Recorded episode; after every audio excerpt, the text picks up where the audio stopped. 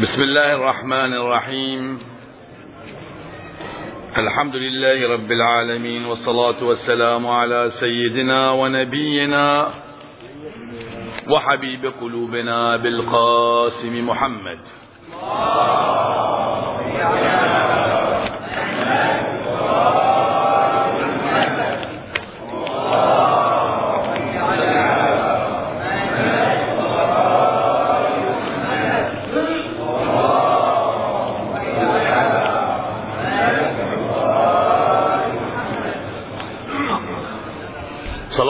وسلم عليك يا مولاي يا أبا عبد الله.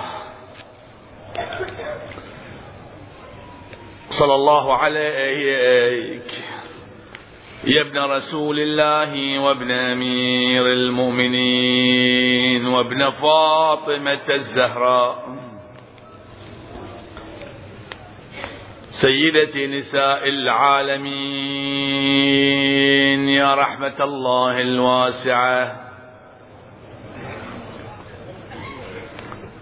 ويا باب نجاة الأمة يا عبرة كل مؤمن ومؤمنة. يا غريب يا مظلوم كربلاء.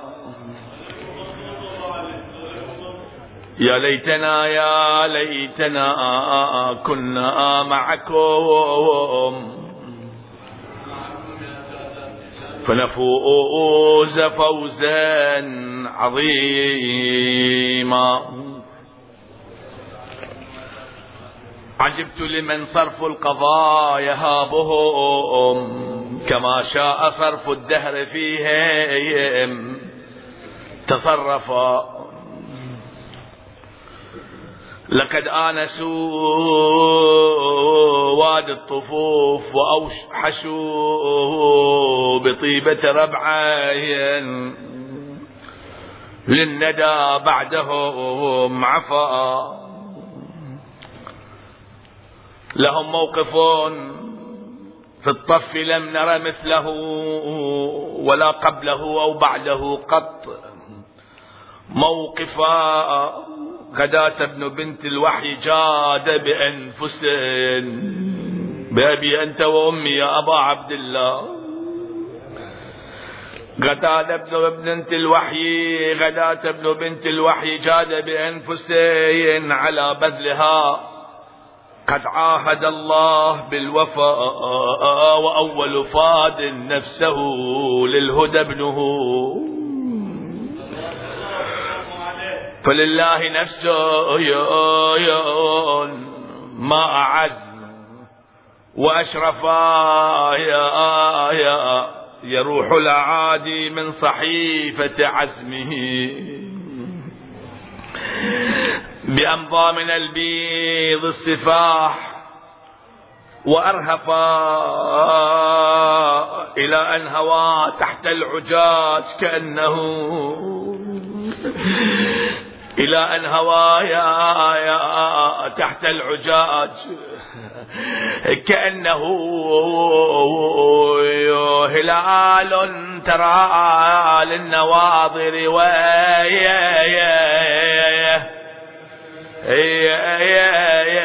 اختفى يا سعد الله قلبك يا أبا عبد الله. رآه أبوه والعوالي تناهبت حشاه. وهوت فوقه البيض يا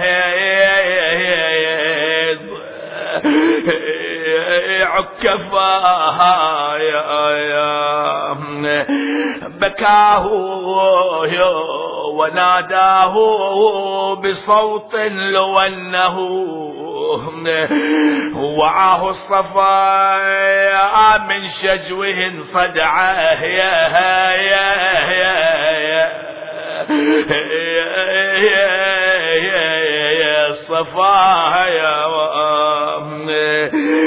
يا زهرتين ما خلت قبل اقتطافها بأيدي المنايا أن تنال وتقطفا بني حالتي الأيام بعدك واكتسبت. أسنف علي الأيام بعدك العفو. إنا لله. وإنا إليه راجعون. وسيعلم الذين ظلموا أي منقلب ينقلبون والعاقبة للمتقين. قال تعالى في محكم كتابه ومبرم خطابه أعوذ بالله من الشيطان الرجيم. وأذن في الناس بالحج. يأتوك رجالا وعلى كل ضامر يأتين من كل فج عميق. ليشهدوا منافع لهم وليذكروا اسم الله في أيام معلومات على ما رزقهم من بهيمة الأنعام. فكلوا منها وأطعموا البائس الفقير. ثم ليقضوا تفثهم وليوفوا نذورهم وليطوفوا بالبيت العتيق ليلة التاسع. من شهر محرم الحرام المتعلق متعلق بشخصية عظيمة شبه رسول الله خلقا وخلقا ومنطقا علي الأكبر. ندعو الله أن يحفظ شبابنا ويوفقهم بحق هذا الشاب وبحق الصلاة على محمد وآل محمد.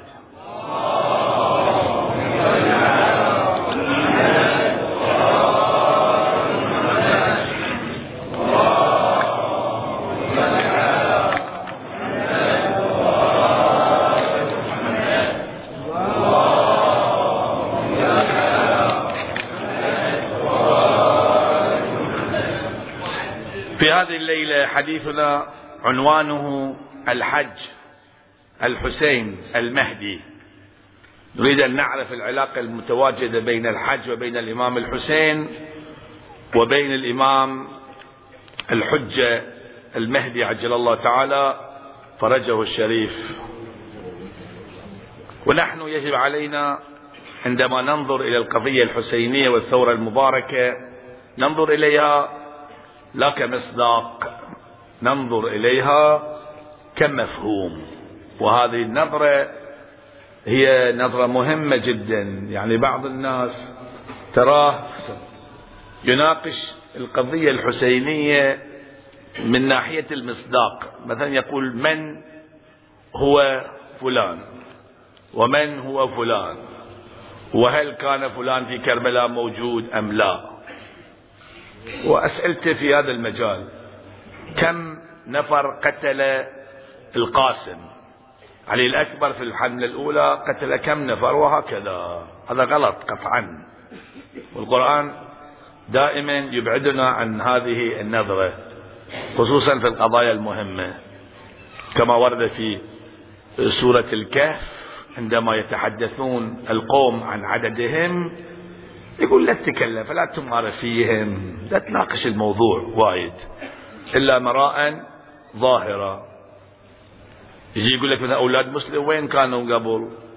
وشلون وصلوا إلى الكوفة؟ واحد شيء من هالقبيل ويضيع في هالمصاديق وينسى المفهوم والأصل. نحن ينبغي لنا أن نركز على الأصل. وإذا ركزنا على الأصل نرى بأنه هناك أمور كثيرة في زماننا لها علاقة من ناحية الأصل بالإمام الحسين سلام الله عليه. فنستطيع حينئذ أن ندمج آه، القضية الحسينية بهذه القضية ونعيشها في حياتنا. نحس إن هي قضية واحدة. هكذا. يعني إذا رحنا في المفهوم شو المفهوم واحد؟ الشكل يختلف. مثل واحد حزين يبين حزنه بالبكاء والثاني حزين يبين حزنه بالسواد لابس أسود. والآخر حزين يبين حزنه بمثلا راية يخليها على البيت. زين فإحنا من نشوفهم ثلاثتهم ما نفرق بينهم. يقول هذا حزين وهذا حزين وهذا حزين. الأشكال اختلفت. هذا حزنه بينه في بكاء في البكاء وذاك بالسواد وهذا بال هذا العلم الأسود. صحيح؟ نحن عندما ننظر إلى الإمام الحسين سلام الله عليه ثورته المباركة إذا نظرنا إليها من ناحية مفهومية كقضية نرى بأن هذه القضية بالضبط هي الحج اللي نعيشه الآن حج بيت الله الحرام. نفس الشيء. ونفس الشيء أيضا دولة الإمام الحجة وقضية الانتظار. فنعيش حالة واحدة. نشوف نفس الشيء. بعدين نعرف الروايات اللي تأكد على أن تمام الحج لقاء الإمام. نعم نعرف معنى الروايات. نستطيع من هذه النظرة العامة أن ندخل في الروايات الأحاديث ونعرف معاني الأحاديث. فإذا لابد أن نرجع إلى الأصل. ولذلك الأئمة عليهم السلام رغم أنهم كانوا يسمعون هذه المصائب. ما كانوا يركزون على هذه هذه المواضيع. تصور بعد استشهاد الإمام سلام الله عليه جاء الإمام زين العابدين والإمام الباقر الصادق كل الأئمة ماكو واحد قال هاي المصيبة اقروها هاي لا تقرونها هذه كذا. حتى الناس لا ينشغلون بهذه الأمور.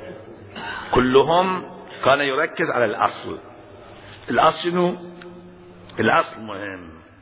وحتى السيد الإمام رضوان الله تعالى عليه تراه في أيام العاشر من محرم في جمران عندما كان يأتي الخطيب ويذكر مصيبة مثلا غير معروفة. نعم ما كان ينتقد. المهم أنه كان يبكي وكان ينظر إلى الأصل ما دام ما في إهانة لأهل البيت عليهم السلام. مو كل شيء تقوله يعني. بس لا تركز على هذا الشيء كثير.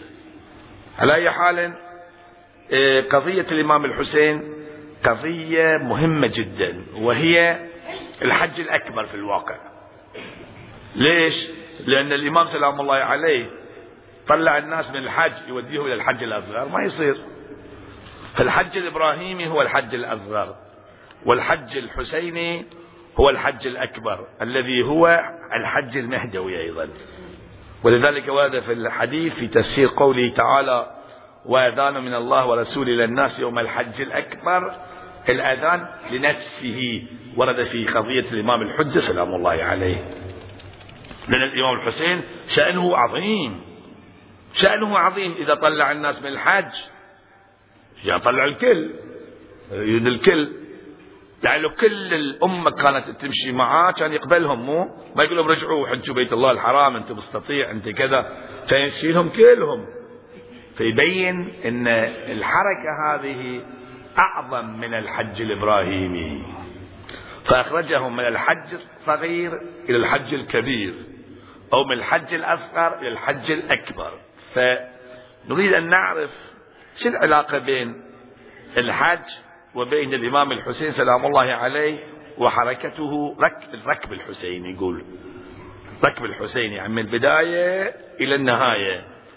وبين دولة الإمام الحجة سلام الله عليه والحركة المهدوية. هذا هو عنوان حديثنا. وأنا في البداية أساس آه، الأخوة والأخوات آه، يتصورون القضية إجمالا. أجيب الأعمال أقايسها بس كنقاط عامة أبينها وأشرح الموضوع إن شاء الله في هذه الليلة. عندنا الحج وعندنا الحسين وعندنا المهدي. في الحج عندنا إحرام وفي قضية الإمام الحسين عندنا من كان فينا باذلا مهجته وفي دولة الإمام الحجة عندنا الأمي الأمية. قلت لك بس أبين لك عناوين عامة. هناك عندنا عرفة وفي قضية الحسينية عندنا عرفة في الطريق طريق كربلاء. وعندنا عرفة في عصر الغيبة عصر الغيبة. مو عصر فتن آخر الزمان عصر الغيبة عرفة. خصوصا بعد انتصار الثورة الإسلامية المباركة. آه، بعدين عندنا المشعر عندنا كربلاء وعندنا آخر الزمان. عندنا منى منى عاشوراء والحروب التي تقع قبل ظهور الحجة سلام الله عليه. وعندنا الرجوع إلى مكة والطواف. هناك في, في, في وين؟ في الحج. في القضية الحسينية فادخلي في عبادي وادخلي جنتي وفي القضية المهدوية جنة الظهور. هذه الجنة المباركة التي سوف يوجدها الإمام الحجة عجل الله تعالى فرجه الشريف. هذا بالنسبة إلى الفكرة؟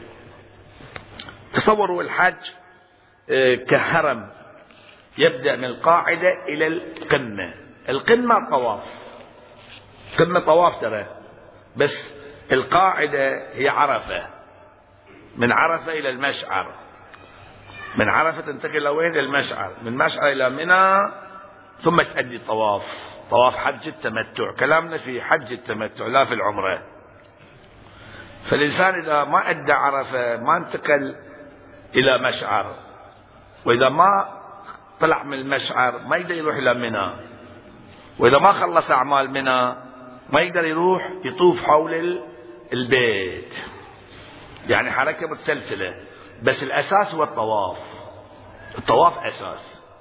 والكعبة بمنزلة الإمام. في الرواية عندنا. الكعبة بمنزلة الإمام المعصوم. الفرق أن في الحج نعيش شعار. ونعيش مراسيم. مناسك. نعيشها وأرنا مناسكنا. مو نفهمها. ولكن في القضية الحسينية حياة. حياتنا حسين مماتنا حسين هو الحياة والممات. ولذلك الأنبياء جاءوا حتى إبراهيم الخليل جاء إلى كربلاء حتى يتعلم كيف يعيش وكيف يموت ثم ذهب إلى واد غير ذي زرع وبنى هذا البيت. تدرون؟ أول شيء جاء إلى كربلاء حتى يتعلم من سيد الشهداء شلون يعيش وشلون يموت كما في الروايات والأحاديث الكثيرة في هذا المجال خصوصا إبراهيم الخليل. بعدين قال الله خلى خطة الحين ربنا إني أسكنت من ذريتي بواد غير ذي زرع عند بيتك المحرم. دخل في هذه الساحة. إنزين. فإذا نحن الآن نبدأ أول شيء في الإحرام. ليش الإحرام؟ وليش؟ آه نروح الحج. يمكن واحد يقول والله مو أفضل مثل مسجد كل واحد في منطقتك ومسجد الله كان يخلينا نروح المسجد بعد. يعني مثلا في المسجد نأدي هذه الأعمال. مسجد كبير في كل بلد مثلا. لا لا لا. القضية أعمق مما تتصور أنت. القصة أنه الله يريدك أن تخرج منها يخرجك من هذه الدنيا. وترجع إلى الحالة اللي كنت فيها قبل. يعني قبل أن تأتي إلى هذه الدنيا وين كنت؟ كنت في العرش بعدين في عالم الذر في الأرواح كنت هناك تعيش نورانية روحانية. والشيعة كانوا يطوفون حول نور محمد وآل محمد.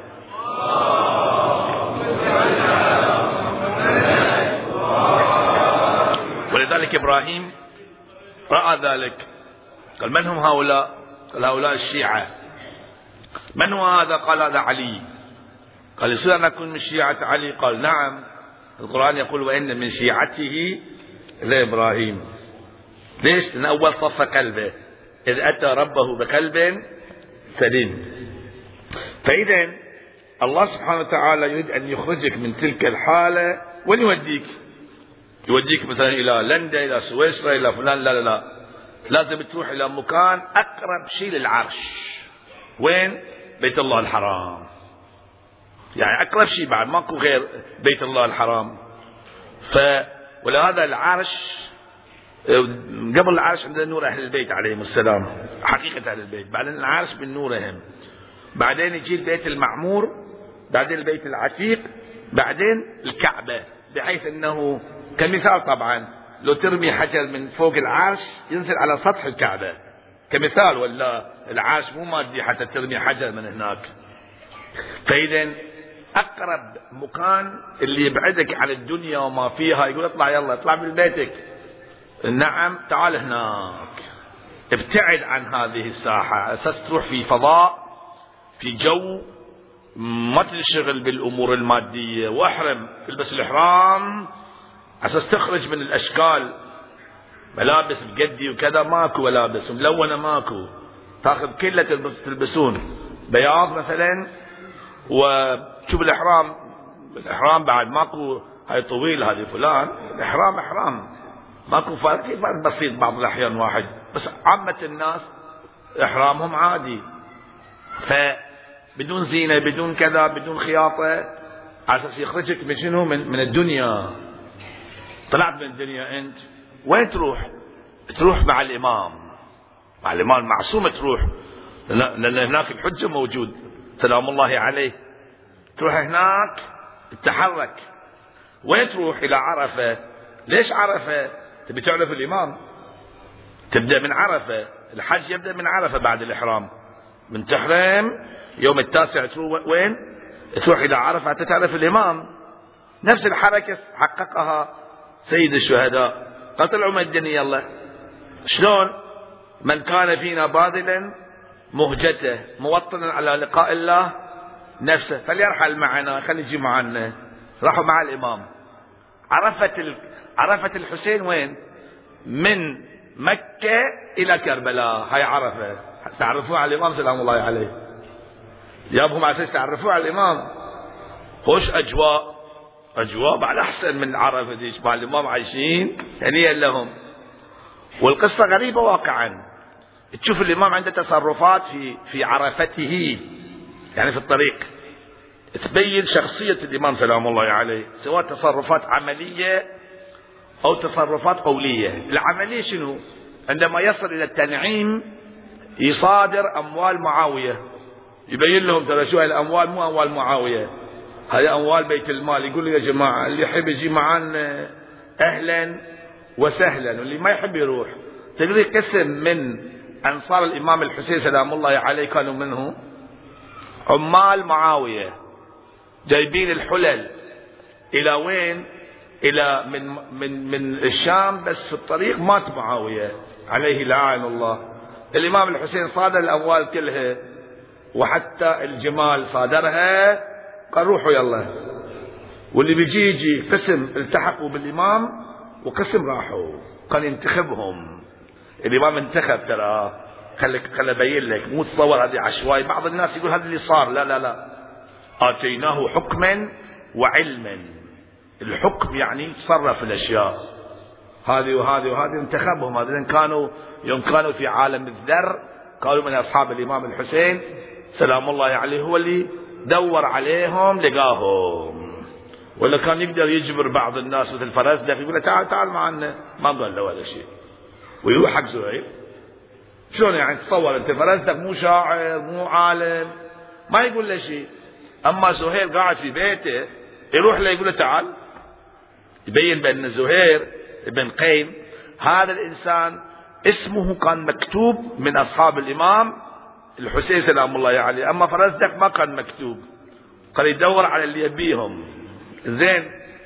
فعرفت الإمام سلام الله عليه في الطريق. و والطريق في الواقع يعيشون مع الإمام سلام الله عليه. كانوا يعيشون مع الإمام. يتعلمون شلون يعيشون. إحنا نذكر هذه القضايا ليش؟ حتى نتعلم شلون نعيش. لأن الهدف هو الحج. تدرون الهدف من من يعيش الإنسان هو الحج إنه يذهب إلى الحجة. والحجة والحج ترى حقيقة واحدة. الحجة والحج ما يحتج به. الحج هو القصد. الحجة أيضا هو المقصود. قبلة المقصود. القبلة الحجة. الحج والحجة نفس الشيء. والكعبة بمنزلة الإمام. في حدود. الكعبة بمنزلة الإمام. يؤتى ولا يأتي. روحوا له أنتم. روحوا طوفوا حوله. حول الإمام سلام الله عليه. والطواف هو العشق. العشق. دائما العاشق يطوف. تشوف الأم اللي تحب الولد تطوف حول الولد. نعم. الطوف هاي الطواف مظهر العشق لأهل البيت عليهم السلام. وتشوف القلب جهة اليسار صحيح؟ والطواف أيضا من جهة اليسار. واللي ولد في الكعبة من هو؟ أمير المؤمنين سلام الله عليه. والآية تقول فاجعل أفئدة من الناس تهوي إلى البيت. لا إليهم يعني إلى محمد وآل محمد.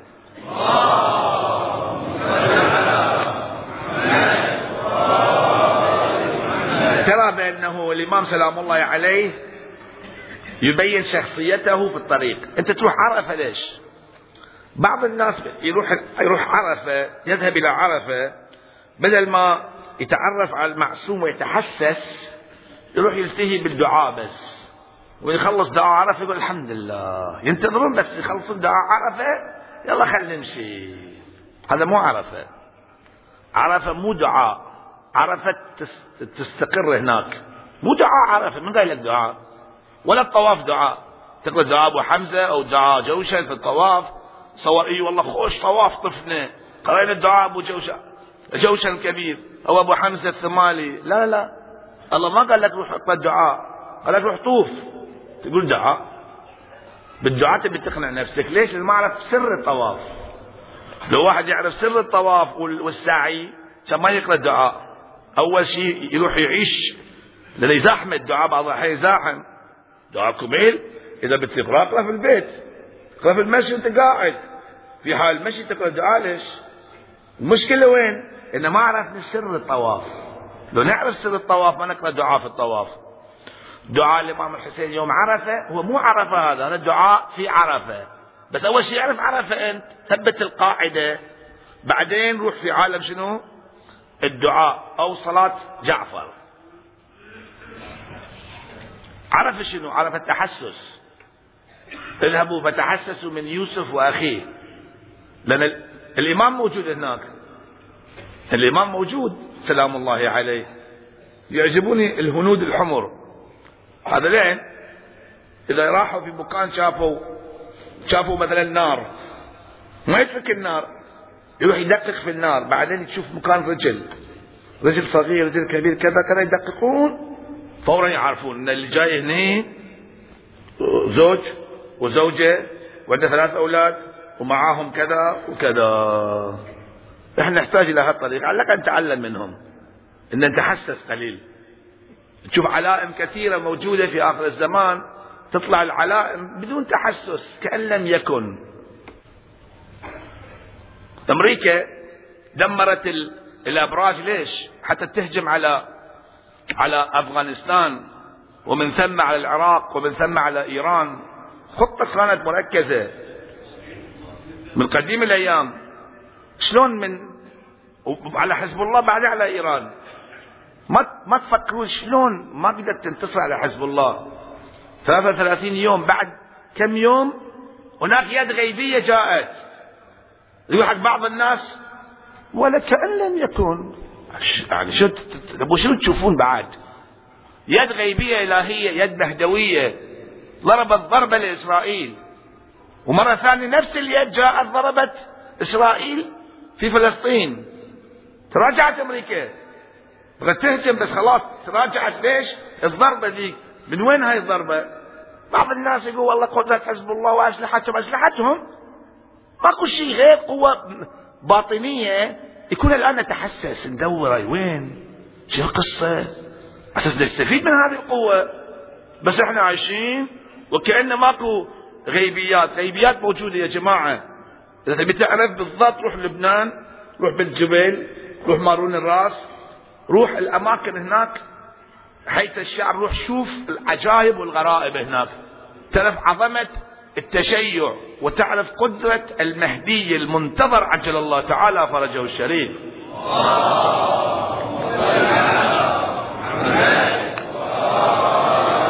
فلازم نتعرف على الإمام سلام الله عليه. الإمام الحسين عرفته وين؟ قلت الطريق. رأيت روايات لطيفة؟ مثلا في مكان شوف يتركع على حسب الناس. تشوف واحد يبي الإمام يعرف بالنورانية يبين له بالنورانية. واحد لا بسيط على حسب. مكان يقول رضانا نعم أهل البيت. رضا الله رضانا أهل البيت. نصبر على بلائه ويوفينا أجور الصابرين. في مكان في إيه، منزل الثعلبية عندما كان وقت الظهيرة فوضع رأسه ورأى ما رأى وقال إنا لله وإنا إليه راجعون. وعلي الأكبر قال يا أبت استرجع ماذا حدث؟ قال سمعت هاتفا. شوف يبين للناس أن الإمام الحسين هكذا يعيش شخصيته الباطنية. يقول الركب يسري والمنايا تستقبله. قال أولسنا على الحق؟ قال بلى. قال إذا لا نبالي بالموت. هاي معرفة الإمام. بس مكان غريب. مع بشر بن غالب. مع بشر بن غالب يتكلم عن خط الخط الصحيح والخط شنو؟ الباطل. إمام دعا إلى هدى فأجابوه إليه. وإمام دعا إلى ضلالة ضلالة فأجابوا إليها. يوم يسأل السؤال يوم ندعو كل أناس بإمامهم هؤلاء في الجنة وهؤلاء في النار. ثم قال فريق في الجنة وفريق في السعير الشاهد. أما والله يعرف نفسه هي عرفة يعني طريق الحسين عرفة. أما والله لو لقيتك بالمدينة لأريتك أثر جبريل في دارنا ونزوله بالوحي على جدي. يا أخا أهل الكوفة من عندنا مستقل علم. أفعلموا وجهلنا؟ هذا ما لا يكون. كلام سيد الشهداء لهذا الإنسان اللي يعرف نفسه. فإذا اللي استفاد هم أصحاب الحسين في الطريق. تعرفوا إحنا الآن نروح عرفة حتى نتعرف على الإمام سلام الله عليه. فإذا عرفنا الإحرام. هناك إحرام هنا من كان فينا باذلا مهجته. هنا تطلع من بيتك تروح وين؟ تروح الحج. الإمام الحسين قال طلعوا يلا. فليرحل معنا. هاي طلعة بعد ما في رجعة ظاهرية. فليرحل معنا طلعهم. وين طلعهم؟ طل... خليك في المفهوم أنت. لا تعيش المصاديق.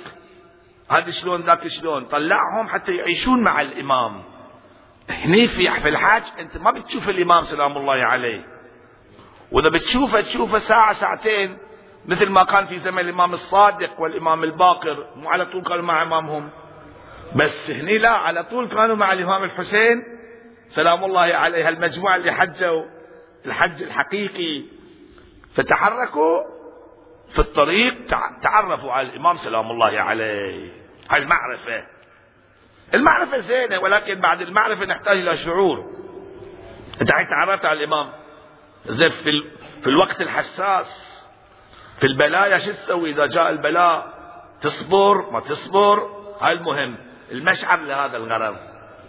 تروح تقعد وحدك تشوف اللي تعلمته هناك شفت الإمام الآن بتثبت فيه وجودك. كربلاء مشعر طريق كربلاء أيضا قريب كربلاء عندما التقوا بحر الرياحي هناك مشعر خلي يجربون نفسهم الحين. مو قضية مزاح ترى صارت قضية جدها. اكو حال تشوف الجيش؟ هنا لازم تعيش الشعور. خصوصا المشعل يعني قمة المشعل ليلة عاشوراء.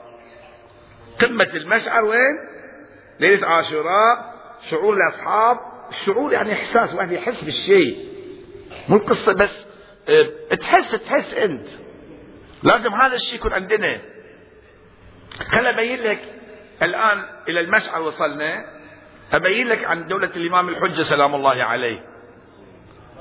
دولة الإمام الحجة أحب نحرم الإحرام شنو في دولة الإمام الحجة؟ يعني في قصدي في المهدوي ما هو الإحرام المهدوي؟ هاي السؤال. طلاق الدنيا طلق الدنيا. زي شلون؟ حتى توصل إلى مقام العليين. نقدر نوصل؟ لا صعب. حقيقة صعب. لأن لا تصير محسن. وكذلك آتيناه علما وحكما وكذا آه، آتيناه فلما بلغ شده آتيناه علما وحكما وكذلك نجزي المحسنين.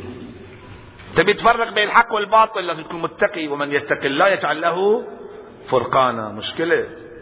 أنا هذه مشكلة. مشكلة كبيرة جدا.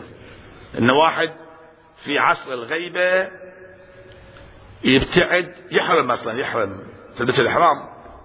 يعني تطلع, تطلع من الدنيا تعيش الإمام الحجة سلام الله عليه. والحل الحل هو شيء واحد ذكرت لكم في الليلة الماضية. كنت أفكر اليوم أنا أنه بالفعل تشوف هالشيء في زمن الإمام رضوان الله تعالى عليه.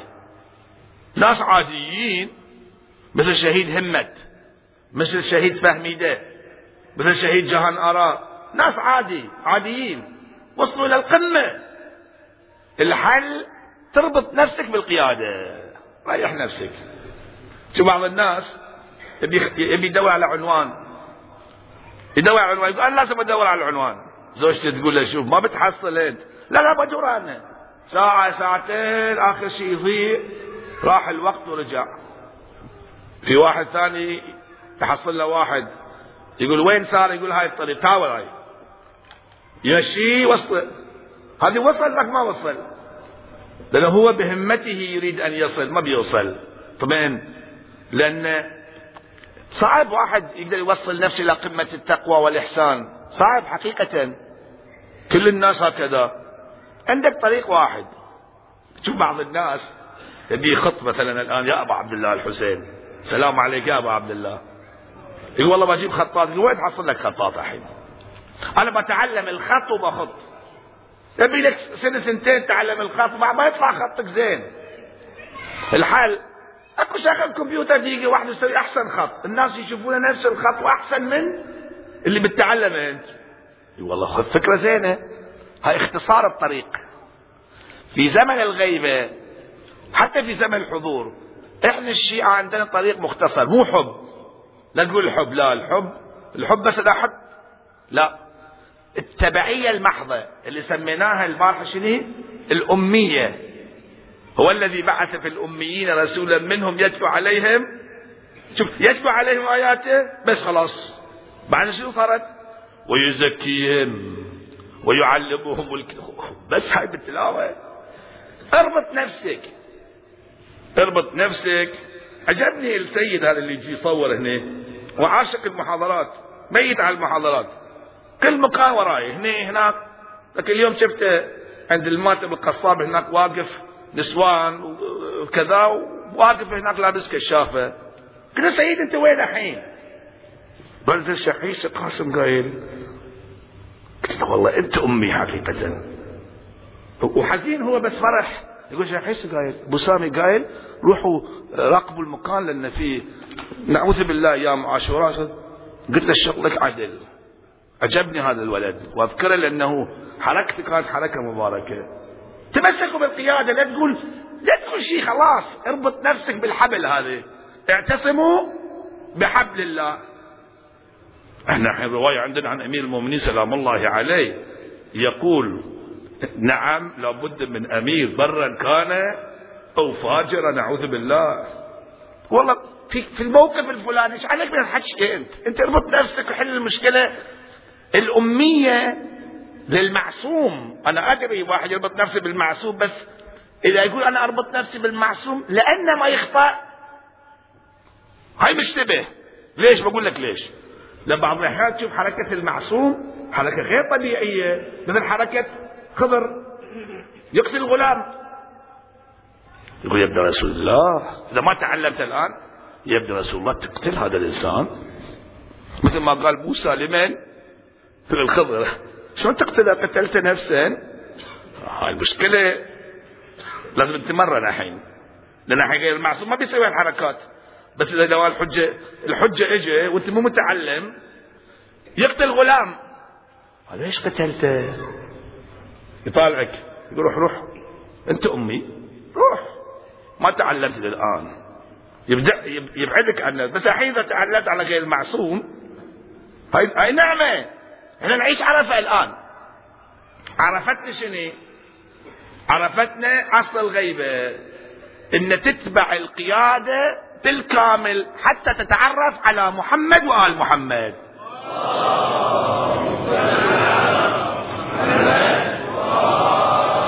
هاي الحقيقة أبين لكم أنا بعد ما جامل ولا شيء. أما إذا انفلت حتى لو صحيح ما ما في فايدة. حتى لو صحيح. إذا واحد هو يصلي وحده وكل شيء يسوي وحده حتى لو كان زين ما له ثمرة. ماكو نتاج موجود أصلا. زين. فإذا في عصر الغيب نحتاج إلى نعيش هذه الحالة وتحسس أيضا. نتحسس نفك نفس هاي الحالة الزينة شلون نوجد في أنفسنا هذه الحالة؟ هاي سؤال مهم. لازم تعيش الحالة. أمي في التوحيد أمي في عدائك للأعداء أمي في المهدوية أمي شلون؟ من تقرأ دعاء ندبة؟ تشوف واحد مضيع ابنه أو واحدة مضيع مضيعة ابنها. ها؟ وين؟ وين حسن؟ وينه تعيش هالحالة مو تشوف حالتك. من تقرأ دعاء ندبة. أين الحسن؟ أين الحسين؟ مو تقرأ إلى الحسن إلى الحسين ك... ك... بس كلام. تعيش هالحالة. أين أبناء الحسين صالح بعد صالح وين راحوا؟ أين المضطر الذي يجاب إذا دعا؟ أين صدر الخلائق ذو البر والتقوى؟ أين ابن النبي المصطفى وابن علي المرتضى وابن فاطمة الزهرة؟ بأبي بأبي أنت وأمي ونفسي لك البقاء والحماة. هكذا تعيش. يعني أنت تتأثر تحس بأن الإمام افتقدت أنت جاي تدور عليه. دعاء واحد بس هاي أمي صرت الآن؟ تصفية قلبية بتصير لك.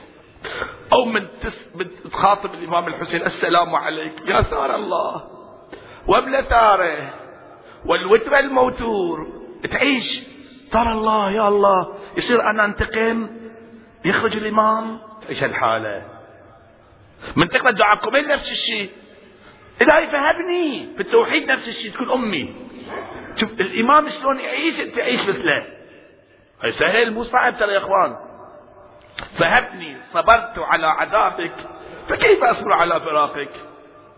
هاي الحالة هذا أحسن طريق للإحرام. أحرمت الآن هناك من كان فينا باذلا مهجته. هني إحرامك شنو؟ إن تتجرد من الدنيا وتعيش الحالة والطريق قلت لك. ماكو طريق ثاني. بدك تقول بفكر وبطلع الصفات السيئة وكذا. ما تقدر. ما تقدر. ما تقدر. صعب. ما توصل لقمة التقوى. أربط نفسك. في سيارة الآن ضايعة أو واحد ضايع. يقول والله وين عنوان؟ يقول ما تدري العنوان. وين أقول لك؟ وشلون أشرح لك؟ تعال امسكني. تعال وراي. وتعال وراي. يقول أخاف أضيع. انزين خلي الحبل. ربطه.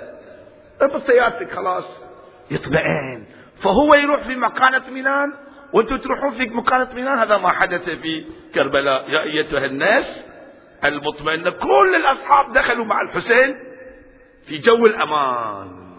زين ماكو مجال أشرح أكثر بس أختصر.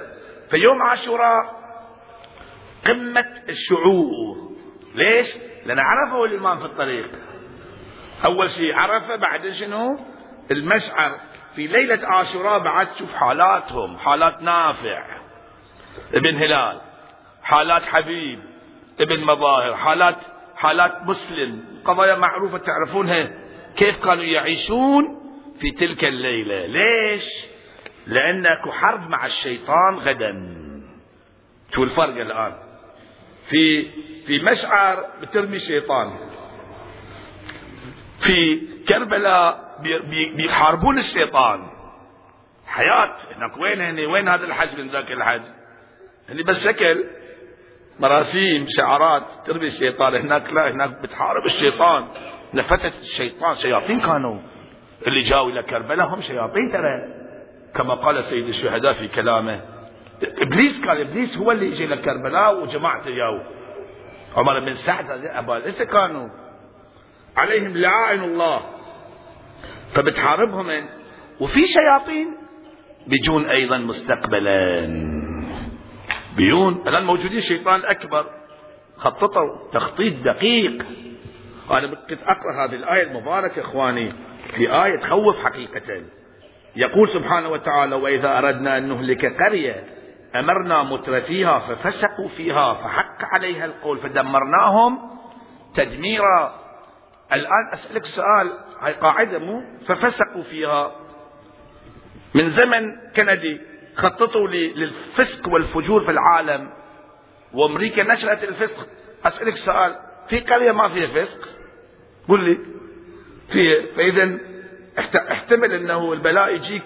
كل العالم يشمل كل العالم. هذه به يملأ الله الأرض قسطا وعدلا كما ملأ ظلما وجورا الشيطان منتشر. بين آونة وأخرى تشوف مرة واحدة. الآن الفسق الفسق منتشر بالشكل غريب وعجيب. ماكو حياة خلاص. شيء باسم حياة ماكو. يهينون المتدينين. أصلا الله سبحانه وتعالى هو اللي رحمنا في هذا البلد. نعيش الحالة رحمة إلهية ببركة أهل البيت وبركة هذه الدولة المباركة وانتصارات حزب الله. كان الدين رايح كلش. اطمئن. لو مو الانتصارات هناك ومو الجمهورية الإسلامية الدين كان رايح ماكو أثر من الدين اطمئن يعني إحنا كنا نعيش الآن أشد الظلم وماكو واحد ينتظر أيضا. ينتظر المهدوية. في واحد في إيران سألني إن الجمهورية الإسلامية شو سوت؟ واحد إيراني يقول لي قلت له شنو سوت؟ قلت له خلاك تنتظر أنت الإمام الحجة. هذا أكبر إنجاز قال صدق والله. قلت له كنت تفكر في دعاء ندبة قال لا. كنت تفكرون في تذهبون إلى مسجد صاحب الزمان؟ هو أين الحسن أين الحسين أين بقية الله التي لا تخلو من أتت الطاهرة. قال لا. قلت له أكبر إنجاز.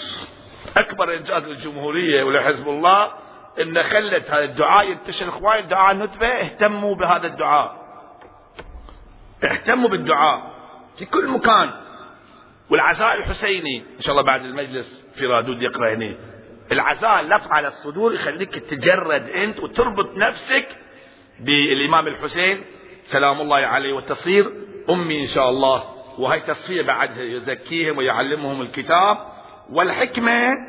وأما منى من الطفوف منى وقع في الطف منى حقيقة المنى الحقيقي وهناك إذا ذبيحة موجودة هنا ذبايح.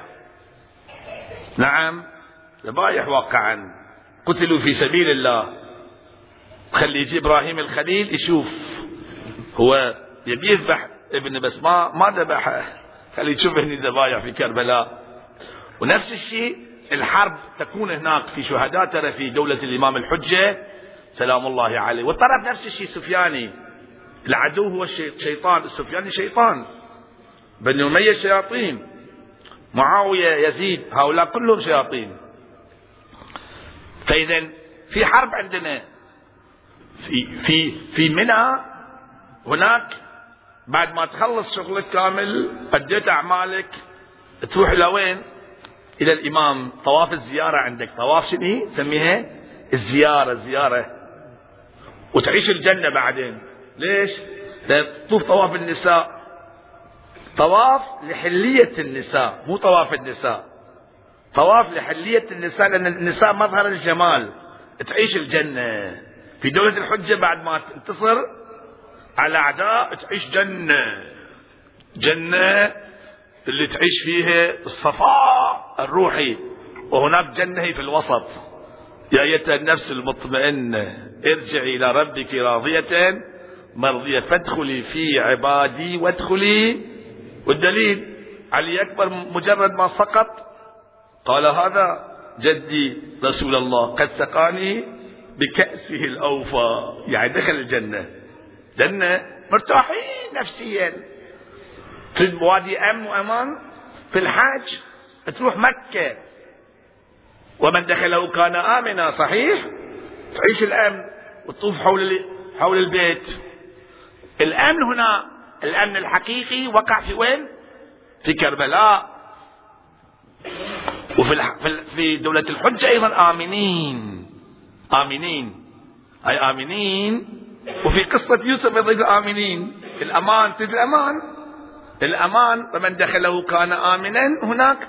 بس الحسين عيشك الأمان. شنو الأمان؟ الأمان أن الإنسان يرتبط بالله سبحانه وتعالى. وكأني بالإمام سلام الله عليه. في شاعر فارسي اسمحوا لي بس الليلة والليلة المقبلة أقرأ لك بعض الأبيات لأن بعض الأخوة صرع قال بعض الأبيات فيه معاني دقيقة لازم تقرأ. الحسين سلام الله عليه نظر إلى ابنه علي الأكبر. طبعا علي الأكبر هو الذي أرسله سلام الله عليه. وما بقي الحسين كثير في قصة علي الأكبر لأن يبين قوته القوة للأعداء الأعداء ما لهم قيمة. قوة الإمام الحسين سلام الله عليه. كدرس لنا إحنا. يقول الشاعر اتصور هو سعدي أو لا حافظ الشيرازي. هذا حافظ الشيرازي عنده قصائد لطيفة. وأبيات حلوة عنده. بس في بيت شعر يقول در رفتن جان از بدن گویند هر نوعی سخن من خود به چشم خویشتن دیدم که جانم می رود يعني الناس يقولون الناس في خروج الروح عن البدن من البدن كل واحد يقول شيء يعني تسأل أي واحد شلون الروح من يخرج من البدن شو يصير واحد يقول والله وايد صعب. واحد يقول مؤلم. الروح روح من يخرج من البدن ترى وايد مؤلم. ولهذا إذا واحد يقتل في سبيل الله الدم يطلع أهون مما يموت على الفراش. اللهم هون علينا سكرات الموت بحق هذه الليلة. هذا حافظ يقول حافظ الشيرازي لسان حال الحسين سلام الله عليه الإمام الحسين. الإمام الحسين يقول يقولون در رفتن جان از بدن يعني خروج الروح من البدن صعب ويان هر نوعي سخن. كل واحد يقول شيء يقول تبون تعرفون من هو اللي عرف؟ شخص واحد بس في الحياة في كل الحياة عرف وحس بأن روحه خرج من بدنه وهو حي هو أنا يعني الحسين يقول أنا عندما أرسلت ابني علي الأكبر. أنا حسيت بهذا الشيء. من خد بچشم خیشتن يعني أنا الوحيد اللي شفت بعيني دیدم که جانم میرود بأن روحي خرجت من جسدي حقيقة عندما خرج علي الأكبر الروح خرج من الجسد ولكن الإمام صبر. نادى اللهم اشهد على هؤلاء القوم. فقد برز إليهم غلام أشبه الناس خلقا وخلقا ومنطقا برسولك. ليلة عظيمة ليلة التاسع إخواني ليلة الشباب. تتعلق بابن الإمام الحسين سلام الله عليه بنجله بشخصية عظيمة شخصية يتوقع أنها كانت مستوى الإمامة. طبعا الله سبحانه وتعالى كان يعلم بأنه يقتل ولكن ال ال الآية اللي يقرأها الإمام سلام الله عليه آية تتعلق بالأئمة عليهم السلام. اللهم اشهد على هؤلاء القوم فقد برز إليهم غلام. أشبه الناس خلقا وخلقا ومنطقا برسولك. وكنا إذا اشتقنا إلى رؤية رسولك نظرنا إلى هذا الغلام. اللهم فرقهم تفريقا واجعلهم طرائق قددا ولا ترضى الولاة عنهم أبدا. ثم قال يا ابن سعد قطع الله رحمك كما قطعت رحمي. وقرأ الآية المباركة إن الله اصطفى آدم ونوح وآل إبراهيم وآل عمران على العالمين. كأني به دخل خيمة الأطفال والنساء. اجتمعنا حوله. صرخنا يا علي ارحم غربتنا. يا ماذا قال علي؟ كيف كان يعيش مع النسوة مع الأطفال؟ كيف كان يؤنس هؤلاء ويريحهم بوجه النوراني وجه رسول الله تدرون إخواني الأئمة عليهم السلام كان عندهم دائما شخص يشبه رسول الله خلقا وخلقا ومنطقا وكانوا يهدؤون بوجوده الأطفال كانوا يجتمعون حول علي الأكبر يتذكرون رسول الله. ارحم غربتنا شوف المصيبة قد عظيمة. النسوة الأطفال زينب كلهن. صرخنا ارحم غربتنا.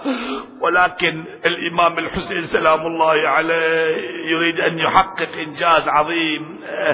يريد أن يبين صبره وتحمله وفناءه في الله أرسل علي الأكبر اذهب إلى القوم. ذهب قاتل قتالا شديدا وهو يهتف ويقول أنا علي بن الحسين بن علي. نحن وبيت الله أولى بالنبي. يضربكم بالسيف وحامي عن أبي. ضرب غلام هاشمي علوي. والله لا يحكم فينا ابن الدعي قتل قتالا شديدا قد غلب عليه العطش وحسينا. رحم الله من نادى وحسينا ليلة التاسع ما تبكي متى بتبكي على مصيبة الحسين. الإنسان عندما يتصور هذه المصيبة العظيمة نعم لا يتحمل لا يتمالك نفسه. بأبي أنت وأمي أيها المظلوم أيها الغريب. رجع علي نادى يا أبا يا أبا العطش قد قتلني. وثقل الحديد. قد أجهدني فهل إلى شربة أتقوى بها؟ قال له يا بني اذهب إلى إلى القوم سوف تلقى جدك رسول الله يسقيك بكأس الأوفايا لا ظمأ بعده أبدا. في المرة الثانية قاتل قتالا شديدا. ابن رسول الله ابن ليلى شخصية عظيمة. ابن الحسين سلام الله عليه قاتل قتالا شديدا وشتت وفرق القوم. فكمن له شخص يقال له مرة بن أيوا حسينا. كمن له ضربه بالسيف على رأسه أيوا عليا. رحم الله من نادى يا أيوا علي يا يا يا سقط على فرسه سقط على فرسه هكذا قربوس فرسه مسك الفرس أخذه الفرس إلى القوم فاحتوشوه فضربوه فقطعوه بسيوفهم إربا إربا. أيوا حسينا أيوا عليا هنا سقط من أعلى الفرس كلمة واحدة قال بس يا أبا عليك مني السلام. يريد أن يبين بأنه استشهد. قال هذا جدي رسول الله قد سقاني بكاس له فلا اظمى بعده أبدا. عرف الحسين بأنه قتل. يا الله يا الله كيف وصل أوصل نفسه الحسين إلى علي؟ جاء الحسين سلام الله عليه. وضع يده على علي لم يتحرك. السلام عليك أيها المظلوم يا أبا عبد الله. ما تحرك فوضع خده على خده. حسب أنه ذهب روحه من هذه الدنيا. نادى يا بني على الدنيا بعدك العفا قتل الله قوما قتلوك. قعد عنده قعد عنده وصفق راحن راحن عليه راح. أجركم الله.